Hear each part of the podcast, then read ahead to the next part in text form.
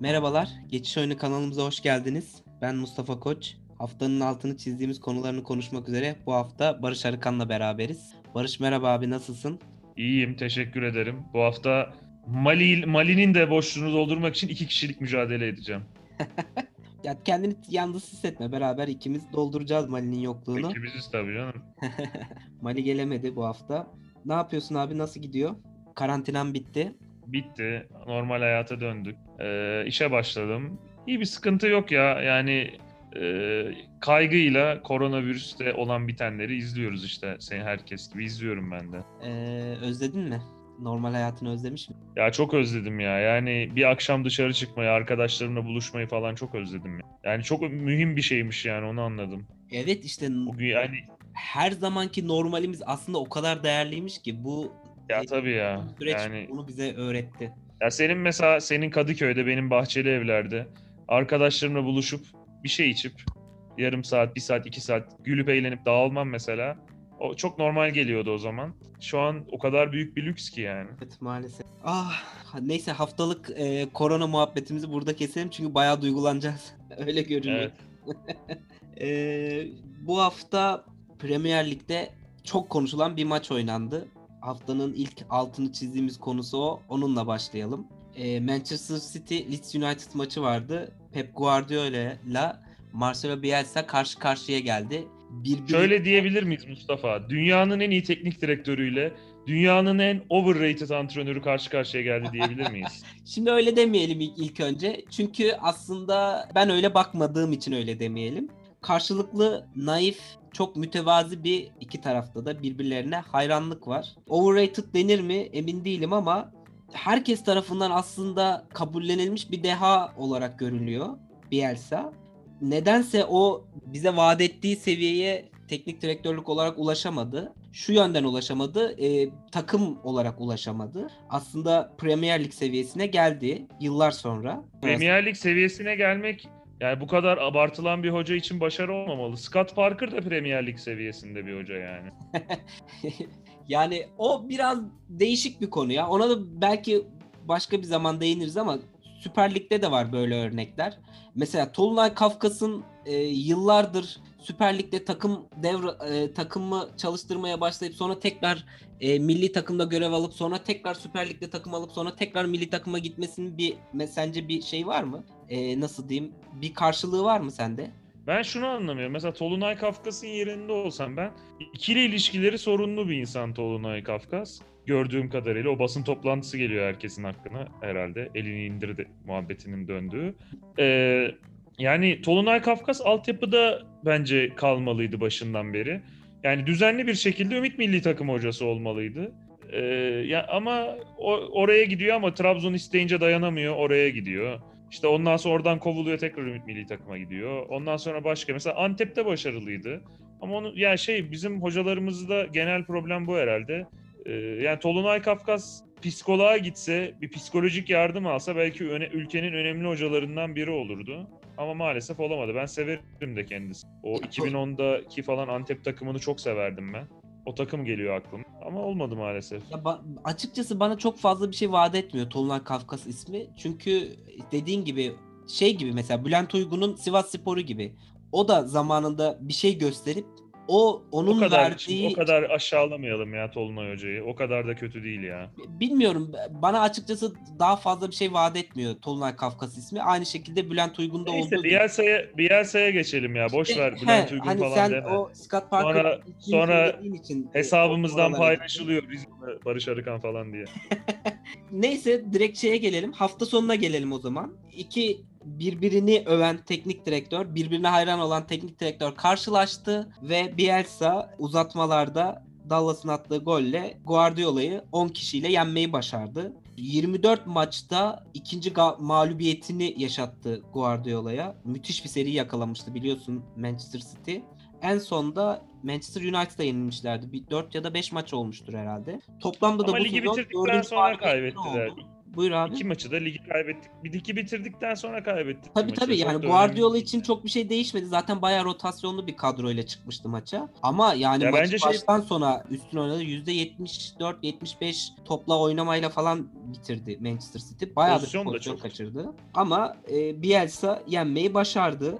Guardiola'yı ve maçtan sonra da zaten hep bu soruldu Bielsa'ya. İşte Guardiola'yı yendin üzerine. O da hayır ben Guardiola'yı yenmedim büyük bir efor sarf ederek Manchester City'yi yendiğini anlattı. Sen de Bielsa'nın çok abartıldığı üzerine sürekli hep e, konuşuruz. Buyur bakalım ne diyorsun? Ee, ben önce şeyi söyleyeyim. Benim için Manchester City'nin o maçında bir sorun yok. Bir de bu çeyrek final haftaları Şampiyonlar Ligi'nde e, mesela Galatasaray'dan örnek vereyim. Şu meşhur e, Drogba'nın bir saçma sapan bir şutu havalanıp Mersin İdman Yurdu kalesine girmişti. Fatih Terim atılmıştı. Mersin İdman Yurdu maçı vardı ki Mersin İdman Yurdu düşmeyi garantilemiş gibi bir şeydi. Galatasaray için kritik bir maçtı. O maçı çok zorlanmıştı. Sebebi iki Real Madrid maçının arasına gelmişti. 6 gün günün arasına gelmişti. E, rotasyon da vardı. Motivasyon zaten çok düşüktü. E, aynı şekilde yani bütün takımlar için bu haftaki maçlar çok zor maçlar. Mesela Bayern Münih Union Berlin'de berabere kaldı. Hem sakatlıklar vardı. Mümkün olduğunca rotasyon yaptı hoca. E, yani bu hafta bütün takımlar için zordu. E, bütün maç oynayan takımlar için. E, şunu söyleyeyim. Manchester City'de benim için daha büyük hayal kırıklığı. Leeds maçında sorun yok. Oyunu da oynadı. Kazanamadı bir şekilde. Ligde de rahat bir konumdalar. Beni e, Borussia Dortmund maçındaki performans daha büyük hayal kırıklığı yaratmıştı. Borussia Dortmund'u da her maçını izlemeye çalışan biri olarak söylüyorum. E, ezip geçmeleri lazımdı ama şu an ortada tur. Hala Dortmund'un büyük şansı var. E, Bielsa'ya gelirsek de ben Dünya Kupalarında Arjantin'i tutarım, İtalya'yı tutarım. Son 2014'ten beri Almanya'yı desteklerim.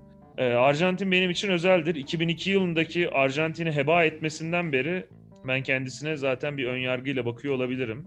Ee, Lille'deki performansı aklıma geliyor. Bu sene Fransa'da şampiyonluğa koşan Lille'i küme düşürüyordu. Gerçekten sıkıntılı bir şey. Ee, ya ben benim için sorun şu. Tabii ki bir futbol felsefesi yaratmış olabilir, onu takip edenler olabilir ama ben yine Federer olayında olduğu gibi böyle kutsal biriymiş gibi olmasını anlamıyorum. Mesela Leeds United Manchester City 2-1 yeniyor. Böyle Twitter'a giriyorum. O meşhur futbol romantikleri yıkıyorlar ortalığı. Yani City bir, bir sanki 100 yılda bir maç kaybediyor gibi. Geçen sene Wolverhampton 2-0 yendi o Adama Traore diye Erman Yaşar'ın bağırdığı maç. Hiç kimse de Nuno Espirito Santo şöyle böyle demedi yani. Ee, bir de şunu demek istiyorum ben. Ee, Bielsa'nın etrafında dönen böyle efsaneler var.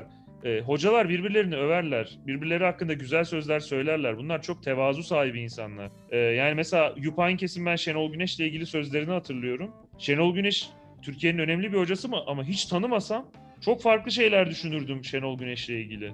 Yani gelsin Bayern Münih olmasa da bir Gladbach falan verecekler zannederdim. Hep birbirleriyle ilgili güzel sözler söylerler. Olduğundan da duydukları saygıdan da fazlasını söylerler. Klopp da hep güzel sözler söyler.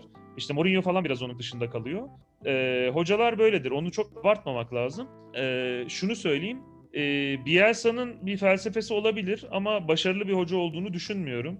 Ee, çok başarılı yani çok başarılı, nispeten başarılı olduğu yerler var. Biri de Leeds United. Severim Leeds'i. Aldı, Premier Lig'e çıkardı. Az da para harcamadı. Yani oyuncular tanınmıyor olabilir ama 20 milyon euro üstü çok transferi var. Yani bir Everton kadar, bir kim diyeyim Leicester City kadar, bir West Ham United kadar para harcadı Ama. Premier Lig için çok çok normal. Hele Tabii yeni ki. çıkan bir Tabii tabii bir şey demiyorum. Yani Leeds United sokaktan topladığı oyuncularla oynamıyor. Yine para da harcadı. Doğrusunu da yaptı. Beğendiği oyuncular, oyunculara, yetenekli bulduğu oyunculara verdi parayı, verim de alıyor. Sıkıntısız bir sezon geçirdi, renk kattı. Bir şey demiyorum. Ama istikrarsız bir hoca. Ee, yani mesela ben örnek vereyim yine. Sevdiğim bir hoca. Yine Mali olsa Alman olduğu için övüyorsun derdi. ben Ralf Ragnick'i 50 tane Bielsa'yı bir tane Ralf Ragnick'e değişmem. Ya Bielsa'yı sanki diğerlerinden ayıran çünkü herkesin bahsettiği taktik bilgisi.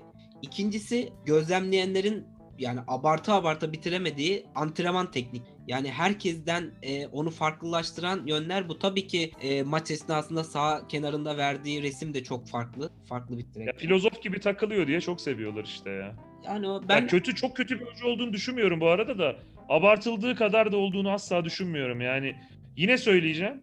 Ya mesela antrenman tekniği dedim böldüm sözünü de Yani Ralf Ragnik'in de mesela geçen gün şey yaptım e, bir yerde denk geldim. Ralf Ragnik'in antrenman tekniği de şu. E, bu zaten Ralf Ragnik'in öğrencileri şu an. Onun yolundan gidenler şu an Avrupa futbolunu kasıp kavuruyor. Nagelsmann da öyle, Tuchel de öyle, Klopp da öyle. Yani o yolu açan o. 15 sene önce televizyona çıkıp Alman milli takımı böyle oynamalı dediğinde gülenler 2014'te dünya şampiyonu takımı gördüler. Bugün de işte şey mesela sürekli anlatılır. Guardiola işte taktik konuşuyor Bielsa ile diye. Ya te- hocalar konuşur yani. Moleküler biyoloji ve genetik alanında ODTÜ'de çalışan bir hoca, benzer bir konuda Amerika'da çalışan biri varsa paslaşır, bilgi alırlar, birbirlerinin görüşleri olur, sempozyuma katılırlar, bir şeyler yaparlar. Hocalar da yapar. Nagelsmann'la Tuchel de çok konuşuyormuş, birbirlerine pozisyon atıyorlar. Ya Klopp şey e, Guardiola ile Bielsa da şöyle örnek veriyorum. Ya Nagelsmann şöyle oynatıyor gördün mü? Ya aslında şöyle oynatsa daha iyi futbol üzerine konuşurlar. Futbol adamı bunlar yani. Çok normal. Bu dahi oldukları için değil. Normal bir şey. E tabii Ee, ki şeyde de bahsetmiştik ya Edin Terzici konuşurken birkaç hafta önce e, Bilic'in dikkatini çekmesi zaten iki teknik adam olarak oturup karşılıklı Bilic'in e, taktiğini eleştirmesiydi. Yani bu bir etkileşim muhakkak var. Ol- olmaması mümkün değil zaten. Mesela şeyin de Ralf Ragnik'in de antrenmanı şöyle oluyormuş. Ona da bir değinmiş olayım. Hocamın da reklamını yapayım. Ee, o Çok var abi. şartların Ralf Ra- şu ara var işsiz ya. Alman milli takımının başına da geçirmediler. Ee, Milan belki alır ya bir sene sonra. Neyse şey yapıyormuş. e, kenara e, ses sesiyle de belli edecek şekilde e, scoreboard şey scoreboard diyorum. E, bu basketboldaki gibi e, hücum süresini belirten ve savunma süresini belirten bir saat koyuyor. E, savunma oyuncuları için e, süre e, 10 saniye içinde topu almaları lazım. Hücum edenlerin de 8 saniye içinde hücumu noktalamaları lazım. Müthiş. Ötüyor ve onları rahatsız ediyor. Diyor ki başta çok rahatsız oluyorlar diyor. Sonra ama o sesi içselleştiriyorlar. Hemen hücumu bitirmeye çalışıyorlar diyor. Müthiş. Şey de vardı benim aklıma o geldi. Del Bosque Beşiktaş'a geldiğinde antrenmanda 10 pas yapmadan gol atıldığında saymıyormuş çift kale antrenman. O da tam zıttı. O da daha da yavaş olsun diyor. E, o 10 tane pası tamamlamadan e, gol, gol atınca saymıyormuş. Hatta Sergen falan şey isyan etmişti. Böyle şey mi olur falan diye. Şimdi de Sergen biraz sanki ondan bir şeyler almış gibi tabii de. Sergen diyordu ya çok seviyorum ben Del Bosque'yi. Çok iyi bir insan. Maç kaybediyoruz 3 gün izin veriyor. Tam Sergenlik değil mi? Şeyi söyleyeceğim bir de Roger Schmidt'in de e, o Ömer Erdoğan anlatıyordu. Ya işte başarısız olma sebebi o mesela. O da çok e, e, idealist bir yaklaşım aslında. Şeyi görmüş. e, önde basan oyuncuların ya e, baskıdan sonra arkada eksik yakalanmama bilinciyle o kadar da cesur basmadıklarını ve onun içinde topu alma yüzdelerinin nispeten düşük olduğunu görmüş ve taktiğini onun üzerine geliştirmiş. Yani şey önde basan oyuncular arkaya düşünmeyin. Direkt basın yani. E, o, o şekilde yönlendirmeye çalışıyormuş. E tabii yani Salzburg'da Fenerbahçe'ye karşı falan izlediğimizde büyülenmiştik hatırlıyorsun. Ki o Evet. zaman çok toy oyunculardı. Şimdi yıldız oldu Mane falan. Campbell falan çok başka boyutta oyuncular oldular. E, ama yani bu şekilde de bir işte Leverkusen'de bir şans yakaladı. İyi de bir kadroydu. E, Avrupa'nın büyük bir liginde şampiyonluğa oynamak da kolay değil yani. Çok keyifli maçlar. E, işte ikisi farklı şeyler birazcık. Ya tabii ki Guardiola'da bir ufuk açmıştır ama Guardiola'nın başarısını e, şeye mal etmek doğru değil. kesinlikle. Ya Bielsa'ya mal etmek doğru değil. bir adını hatırlayamadım da iki sene önceydi. İşte bir belgesel izledim de Alman teknik direktörleri hikayelerini anladım. Eğitim süreçlerini anladım. Ben izlemedim bana at mutlaka onu. Muhakkak atayım. E, orada e, işte o eğitim süreçlerini aynı, aynı zamanda hem eğitim süreçlerini gösteriyor hem de e, takım yönetiyorlar. Yönettikleri takımdaki hani gerçek zamanlı ilerleyişlerini, gelişimlerini gösteriyor belgesel. Harika bir belgeseldi. Adını unuttum, hatırlayamadım. Tam bu ba- bahsettiklerin, bahsettiğin şeyler e, belgeselde üstünde durulan konulardı. Özellikle şeyden de bahsediliyordu işte Gegenpress'te özellikle topu bir an önce tekrar kazanıp tekrar hücuma topu götürmen gerekiyor. Ama orada da işte dediğin gibi arka tarafa güvenmen gerekiyor. Tamamen odağın top olacak. Kaybedilen topu tekrar kazanman gerekiyor ama bileceksin ki arkandaki arkadaşın sana destek veriyor. O güveni hissetmediğin zaman zaten o topu kapamazsın. Tekrar topu kendi kalende görürsün. Bu çok önemli bir nokta. E işte Leipzig nasıl oynuyor işte e, Nagelsmann'ın takımı işte Ragnik ayrıldı da yani onun temellerini attığı takım bunun önüne geçmek için nasıl oynuyor? Üçlü oynuyor. Üçlüde de ortada Upamecano oynuyor. Upamecano herhalde fizik olarak da çok güçlü ama çabukluk olarak, ayak olarak çok farklı boyutta bir Müthiş stoper. ya. Çok çok bam- bambaşka bir stoper, stoper ya. Yani Ve- futbolunun herhalde en aranan stoperlerinden biri. Evet ve de iki yanında iki yanında da mesela genelde eskiden e, bu yıllar üçlü savunma işte Conte falan yeniden e, gündeme getirmeden önce e, iki tane daha stoperle oynarlarmış 90'larda falan. E, bu Conte falan oynattığı zaman da stoperlerden sağ stoper mesela bek özellikliyse sol stoper stoper özellikli oluyor. E, o şekildeydi. Leipzig bunun da önüne geçmek için e, iki tane bek özellikli oyuncuyla mesela Başta Klosterman'la Haştenberg'le oynuyordu. Onlar da kesmedi. Mukiele ile falan oynamaya başladı. Ee, yani işte dediğin önde baskıdaki verimi arttırmak için. Hatta ilk yarıda e, ligin ilk yarısında forvet oyuncusu da Sörlot'tan da verim almazken Polsen'i de yedeğe çekmişti. 3 tane 10 numara kanat tarzı oyuncularla Forsberg, Olmo, Enkunku ile oynuyordu mesela. For, Santrforsuz 3-4 gol atıyorlardı. Ama tabii Şey- bu oyunu bu şekilde lig boyu oynamak kolay değil. Şeyi hatırlıyor musun? Lucescu'nun Beşiktaş'taki üçlü defansını. Ee, O- Zago, Ahmet Yıldırım, Ronaldo muydu? Ronaldo ortada Ronaldo tek hamleli, yavaş, Çok iyi. Ağır, evet. Sağında Zago, solunda da yine bek özelliği olan Ahmet Yıldırım vardı. Orada da aslında mesela hep ben bunu karşı çıkarım. Hep Beşiktaş'ın çok de- defansif Lucescu olduğundan muhtemelen bu sürekli konuşuluyordu ama ben öyle olduğunu düşünmüyorum. Defansif oynan, oynattığından takımı üçlü defans işte iki kanat beşli defans oluyor falan. Bence Beşiktaş o sezon hem çok tempolu hem de gayet ofansif bir takımdı. O üçlü defans iki kanat ki kanadın biri e, Kaan Dobra'ydı, diğeri İbrahim Üzülmez. E, ileride İlhan Mansız, Sergen Panku, Cunti hepsi oynuyordu. E, Pascal. Pascal Numa tabii dönüşümlü İlhan'la falan. Bence bayağı e, iyi bir uygulamasıydı o üçlü defansın. O zamanki Süper Lig'e göre tabii ki. Tabii. Yani o zaman şimdi ben 12-13 yaşındaydım. Ee, yani bana defansif geliyordu da tabii şimdiki bilincimle izlemiyordum o zaman. Farklı değerlendiririm belki bir daha o sezonu yaşasam. Ama yani şeyde sorun olduğunu düşünüyorum ben ya. Ee, ülkemizde futbolun değişimine ayak uydurmakla ilgili ciddi sıkıntı olduğunu düşünüyorum. Muhakkak tabii canım. Bizde çok ezberler üzerine gidiyor. Bir de e, bunu daha önce de konuştuk da yani bizde teknik direktörlerin çalışma süreleri o kadar kısa ki yani bunun için düşünmeye ya da uğraşmaya vakitleri yok. Bir an önce gelip ufak bir dokunuşla skor elde etme üzerine her şey ilerliyor. Ama Şeyde, peki bir şey e, soracağım sana. Buyur abi.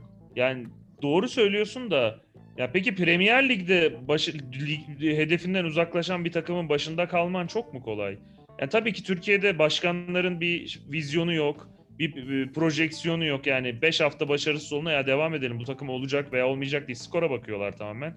Belki Premier Lig'de Bundesliga'daki başkanlar daha farklı yaklaşıyor. Ama yani 5 hafta 10 hafta kazanmayan bir teknik direktörün şeyde de Türkiye'de de Almanya'da da İngiltere'de de devam etme şansı yok. Ee, yani o açıdan doğru değil. Bizde şey şuna katılabilirim. Yani hocaya şöyle bir yetki verilmiyor. Ya tamam hocam anlaşalım seninle. Sen nasıl bir futbol oynatmak istiyorsun? Nasıl bir futbol mantaliten var? Bizim takımımız şöyle. Şöyle bir şey yapmak istiyoruz.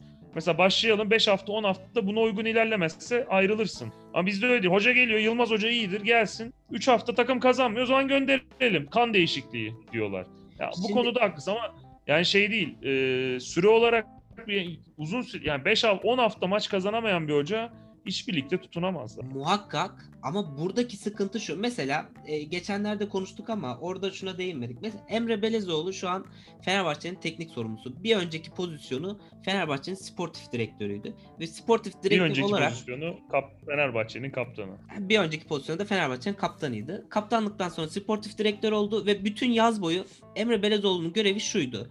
Birincisi Fenerbahçe'ye bir teknik direktör bulmak. Fenerbahçe'nin onun söylemiyle kodlarına uygun bir teknik direktör bulmak. Bu teknik direktörün Fenerbahçe'nin kodlarına uygun bir şekilde oyun oynatmasını sağlamak ve buna uygun futbolcuları transfer etmek. Emre Belezoğlu bütün bu kararları aldı. Teknik direktörü e, göreve başlattı. E, transferler yaptı. Sezon ilerledi. İstenilen başarı e, gelmeyince Fenerbahçe'nin teknik direktörü görevden ayrıldı. Emre Belezoğlu sportif direktörlüğü bırakıp Fenerbahçe'nin teknik sorumlusu oldu ve ilk açıklamasında dedi ki Fenerbahçe'nin kodlarına uygun oyunu oynatacağız. Peki sen sportif direktör olarak Fenerbahçe'nin kodlarına uygun oyunu oynatacak teknik direktörü seçme yetki sende sende değil miydi? E o zaman hata en başta sende. İşte biz hatayı en başta burada yapıyoruz. E, biz zaten e, takımımıza uygun teknik direktörü seçmiyoruz. O teknik direktörü, direktöre uygun futbolcuları almıyoruz ve bu döngü o kadar e, sürekli tekrar ettiği için 3 haftada bir, 4 haftada bir, 5 haftada bir teknik direktör değiştirmeye başlıyoruz. Tabii ki Premier Lig'de de 10 hafta üst üste galibiyet almayan bir teknik direktörün e, işinde devam etmesi mümkün olmayabilir ama bizde Hemen bu o kadar gelir. sık oluyor ki teknik direktörlerin artık öyle bir nasıl diyeyim donanıma gereksin hissetmiyorlar. Çünkü yapacakları tek şey takıma gelir gelmez aşırı bir motivasyonla ilk oynayacakları maçı hazırlamak. Taktik zaten diziliş ezber. 4-2-3-1 neyse. Onu sahaya dizip eldeki en iyi oyuncularla sahaya çıkıp o aşırı motivasyonla ilk maçtan puan almak. 2-3 hafta sonra da bu işe yaramadığı zaman tekrar yeni bir teknik direktörle tekrar aynı şeyi denemeye çalışıyor. Zaten sportif direktörün görevi kulübün orta ve uzun vadeli geleceğini düşünmek ee, daha çok. Yani teknik direktör yani şöyle bir denge olması lazım masaya oturdukları zaman. Teknik direktörün daha kısa vadeli de bir vizyon ortaya koyup başarılı yapması lazım. Sportif direktörün de orta ve uzun vadeli de düşünüyor olması lazım. Şu an Emre her şeyi düşünüyor yani anladığım kadarıyla. Öyle olması lazım. O şeye de sahip değil, tecrübeye de sahip değil. Ee, yani bir altyapısı da yok bu konuda. Futbol oynamak dışında. Zaten her altyapısının yer- olmadığı burada çıkıyor ortaya. Bu söylemde yani Fenerbahçe'nin kodlarına uygun futbol oynatacağız. Yani e, koskoca bütün yaz ne- bunun için uğraşmadınız mı? Nedir Teknik peki direktör Fenerbahçe'nin arayış- kodu? Fener, işte, Nedir e, Fenerbahçe'nin? Önder Özen de sürekli bahseder ya sürekli önde basan akın üstüne akın yapan işte rakip kaleyi gole boğan bir oyun anlayışından bahsediyorlar. Vallahi ben 30 yaşındayım. Aklım başımda 20 yıldır izliyorumdur herhalde. Bu 20 yılın yarısından çoğunda Fenerbahçe böyle oynamıyordu. E Zaten Nasıl bir kod ben bölümünü Aykut anlamadım. Kocaman'la geçirdikleri için öyle bir oyun. Da- Daum da, Daum da vardı. Fenerbahçe Fenerbahçe korner kazandı diye seviniyordu, atıyordu da yani. O e- eleştirmiyorum. Hocam iyi oynatıyordu yani bir şey demiyorum. Ee, ya şu var. Yani Emre bence sıkıntı şu. Yine sevdiğim bir hocadan örnek vereceğim. Ömer Erdoğan teknik direktörlük yapmaya karar verince ya bir bağlantılarımı kullanayım. Milli takımlar arkadaşlarımdan, tanıdıklarımdan rica edeyim. Bir Klopp ne yapıyor onun yanına gideyim. Bir Tuhel ne yapıyor onun yanına gideyim. Bir Roger Schmidt'e uğrayayım. Ee, işte bir bunları derken Emre Belözoğlu şunu diyor. Ya futbolu bıraktım. Fenerbahçe'nin büyüklüğünü anlatıca- anlatırım. Şunu tanıyorum. Alo Emre abim ben şey olayım. Sportif direktör. E, teknik direktör olayım. Yani o haddi kendinde görüyor. İkisinin yani ikisinin de karşı karşıya geldiğinde Emre Belözoğlu daha başarılı olursa yazık olur zaten. Bak o haddi neden kendisinde görüyor biliyor musun? Çünkü 2002 Dünya Kupası'nda 3. olan milli takımın bütün kadrosu yılını tam hatırlamıyorum ama tekrar bir araya getirilip şeyde İstanbul Beylerbeyi'nde Futbol Federasyonu tesislerinde yanlış hatırlamıyorsam ya 3 günlük ya 5 günlük bir kursla hepsine antrenörlük belgesi verildi. Sırf Dünya Kupası'nda 3. oldular diye. Ve 3 ya da 5 günlük kurs ve o 3 ya da 5 günlük kursun içeriği de gerçekten e, bir insanı Dünya Kupası futbolda olsun ya da anılarından olmasın. konuşmuşlar. e, muhtemelen. yani bir Senegal insanı maçını bu antrenör yapar mı üst düzey pozisyonda? Mümkün değil. O yüzden kendinde bu haddi bulabiliyor. Almanya'da Dünya Kupası şampiyonu olmuş kadro sence bu şekilde bir araya getirilip antrenörlük belgesi verilebilir mi? Mümkün mü? Miroslav Klose ne yapıyor şu an? Dünya Kupaları tarihinin en çok gol atan oyuncusu. Ee, Almanya'ya Dünya Kupası kazandıran kadronun en önemli oyuncularından biri. Ee, ne yapıyor Klose? Futbolu bırakınca Bayern Münih altyapılarında çalışmaya başladı. Yardımcılık falan da yaptı galiba. Geliyor yavaş yavaş. Ee, yani Bayern Münih'in başına geçmez. Başka bir takımın başına geçer. Benim burada ya bizde şöyle kızdığım- zannediliyor. Hep aynı şeye geliyoruz da. Ya Xabi Alonso Mönchengladbach'ın başına geçecek deniyor. Herkes bunu duyunca şey zannediyor. Xabi Alonso Bask'taki yazlığından telefon ar- ediyorlar. Bavulunu toplayıp gidiyor. Adam yok. Sociedad genç takımını çalıştı. Şey B takımını çalıştı. Puan rekorları kırmış. Oynattığı bir futbol var. O da örtüşüyor. E daha önce Almanya'da futbol oynamış. Dili var. Alman futbolunu biliyor. E, büyük takımında oynuyor. Her türlü uyuyor. Oturuyorlar, konuşuyorlar muhtemelen. Bizim Gladbach olarak böyle bir kadromuz var. Max Eber'le konuşuyorlar. Biz böyle bir futbol oynuyoruz. Sen ne düşünüyorsun? İkna ediyorlar birbirlerini. El sıkışıp kalkıyorlar. Zidane mesela zannediliyor ki futbolu öyle, bıraktı evet. oldu. Yo genç takımda çok başarılıydı. Kendini yetiştirdi. Galiba Ancelotti'nin yardımcısıydı. Tabii tabii yardımcısı. Orada da yönetime büyük ihtimalle demiştir ki Ancelotti böyle böyle yapıyor ama ben de bu böyle böyle yap- yapmayı düşünüyorum demiştir muhtemelen. Yani bu kafa oldukça de şey olmaz ya. E, Bu konuyu- Guardiola aynı şekilde, Luis Enrique aynı şekilde hepsi o yollardan geçerek buralara geldiler. Ya o kadar kolay değil bu işler. Ben bir de şuna kızıyorum. Bu bahsettiğim antrenörlük kursunun başlangıcında Şenol Güneş de orada açılış konuşmasını yapıyor ve Şenol Güneş'i biliriz. Aslında bir taraftan düzeni de Eğitimci. eleştiren bir insandır. Ya orada niye demiyorsun sen bu teknik direktörlük mesleğinin en acılı günlerini yaşayan, tırnağıyla kazıyan, Trabzon'da olsun, işte Beşiktaş'ta olsun, Bursa Spor'da olsun, milli takımda hakkı yenen bir insan olarak neden aslında iki kelime Ya, söylemiyor, söyleyemiyor ve çok ya Şenol geliyor Güneş yani bana. Şenol Güneş her konuda çok şey söylüyor gibi gözükür ama e, en çok konuşması gereken yerlerde konuşmaz genelde biliyorsun. E, yani sadece Şenol Güneş'e özgü değil bu arada. Fatih Terim için de aynısı dersin diğerleri için. E, yani çok konuşur Şenol Güneş. Çok da şey bildiğini düşünür ama bu tip en çok konuşması gereken, en sert konuşması gereken konularda da hamaset yapıp yapıp geçer. E, onun için boş ver yani üzerinde duracak bir şey değil. Türkiye'de yaşıyorum. Şeyden başlayıp, Bielse'den başlayıp e, Şenol Güneş'e, Emre Belezoğlu'na, yani. Tolunay Kafkas'a kadar uzanan bir muhabbete geçtik. Şeye geçelim bir taraftan. Hazır Süper Lig'e gelmişken, Süper Lig'de de artık sona doğru yaklaşıyoruz. E, bir taraftan da teknik direktörlerin performanslarının bariz ortaya çıktığı maçlar da görüyoruz. Teknik direktör dokunuşlarının daha doğrusu ortaya çıktığı maçlar da görüyoruz.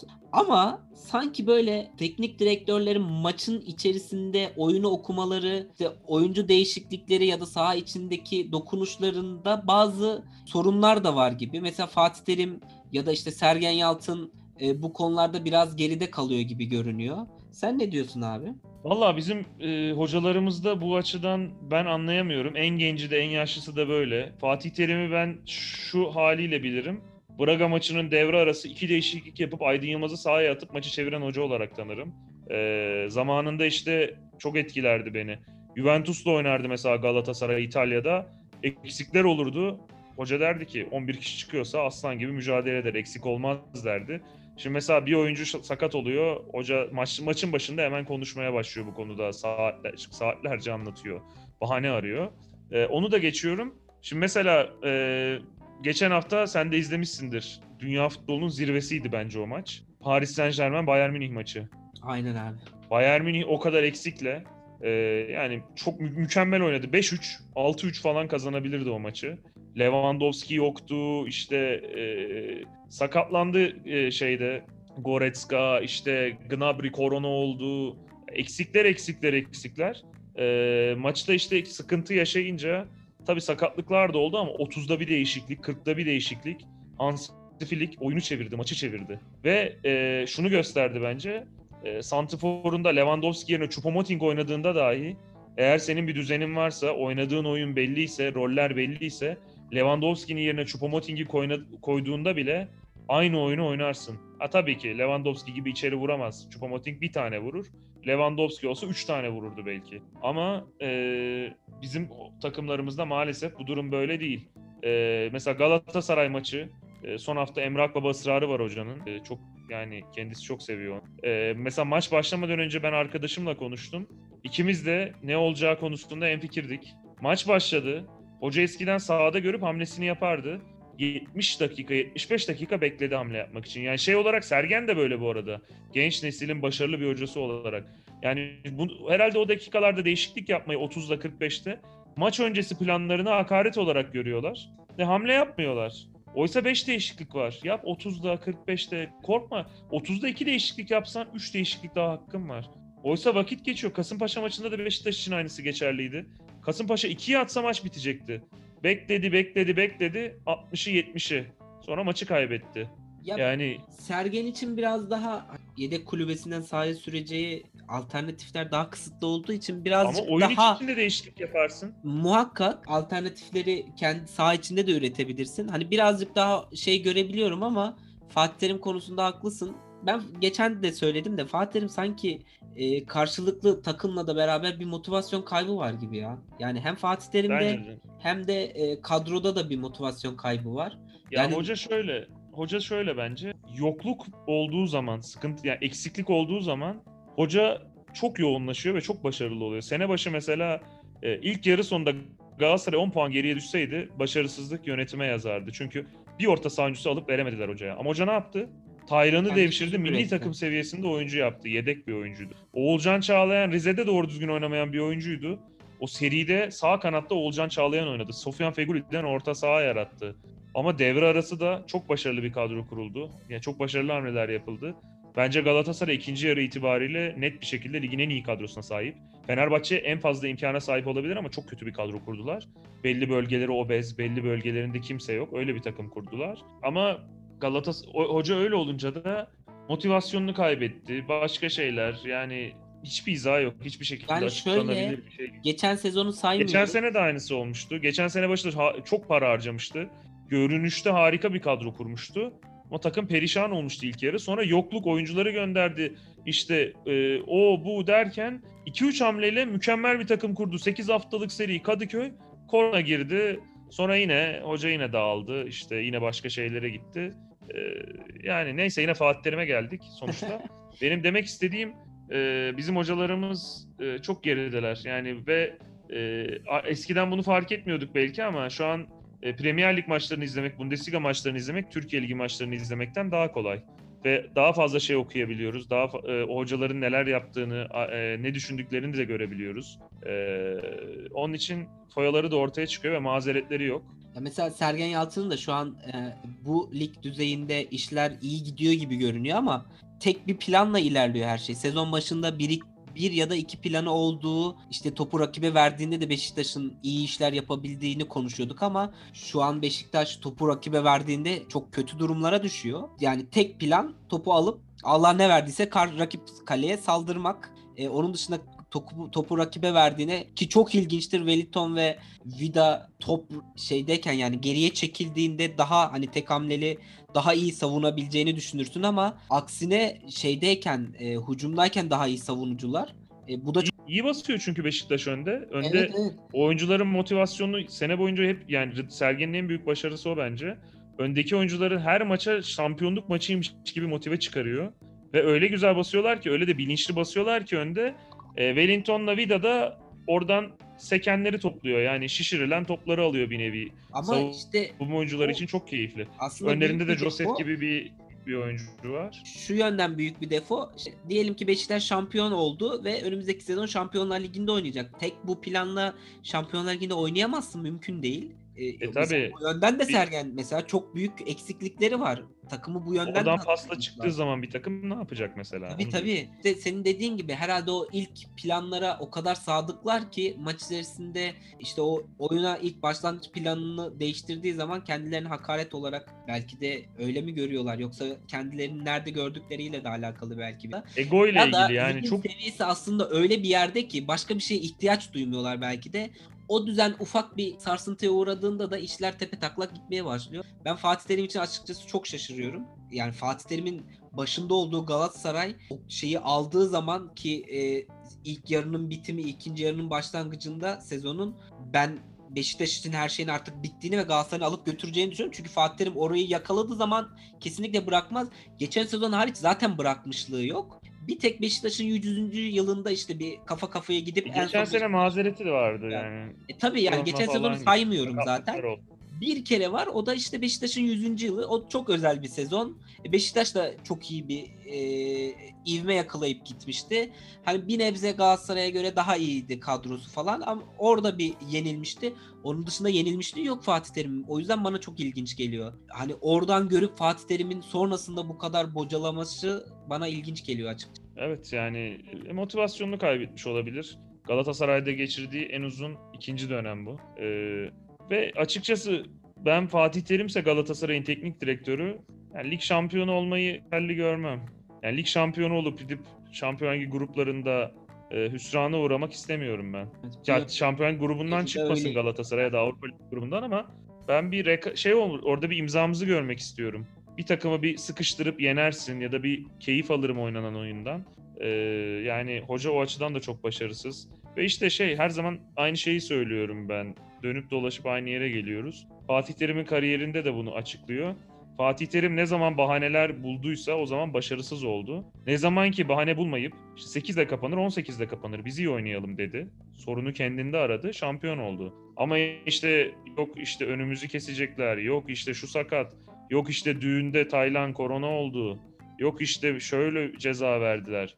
Ee, yani 70 yaşında bir teknik direktörün Türkiye'nin bence futbol adamı olarak gelmiş geçmiş en başarılı en büyük ismi yani bu tip şeylerin arkasına sığınmamalı. Sığındığı zaman da başarısız oluyor zaten. Benim Fenerbahçe ile ilgili de en büyük ele, şey eleştirim oydu Ali Koç'la ilgili.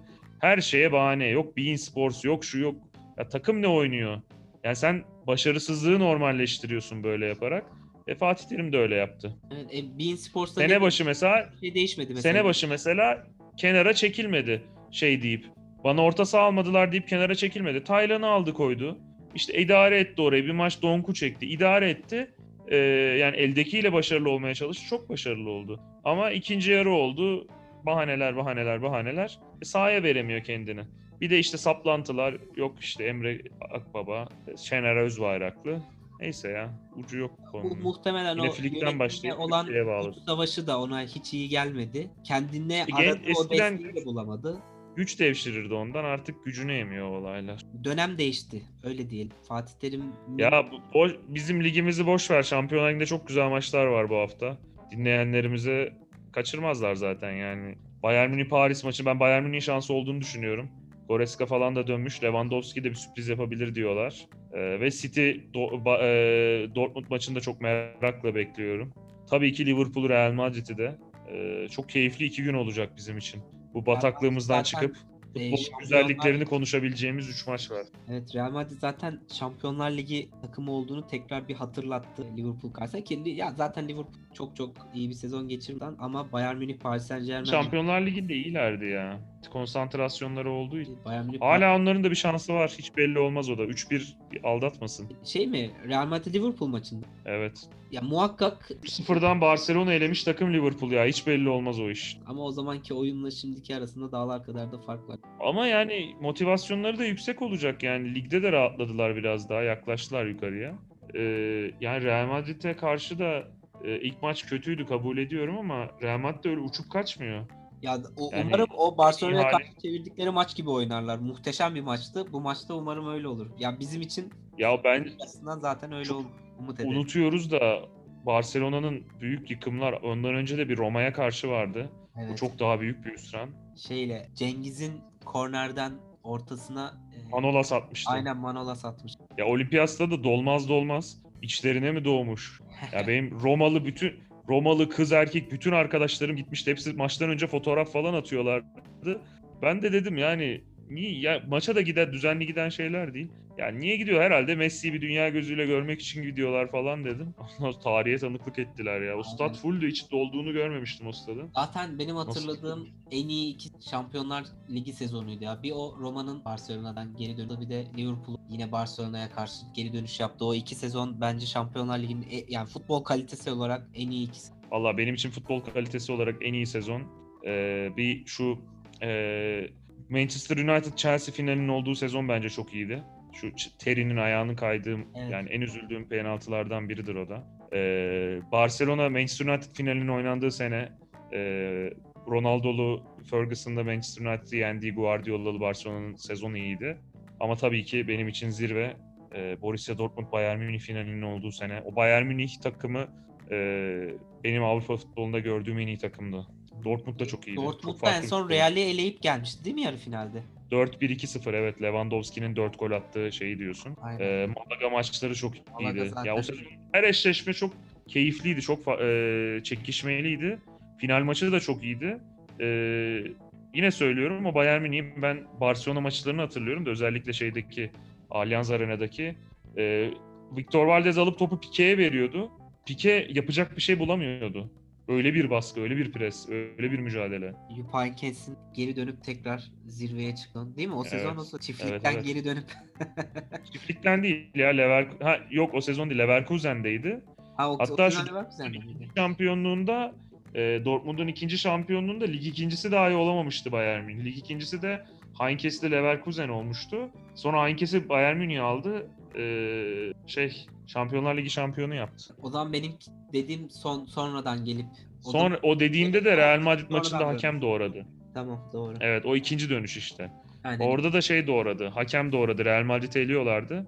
O Real Madrid'in 3 şampiyonluğundan biri işte. E, hakemlerin ittirmesiyle. Yoksa Bayern Münih elemişti orada.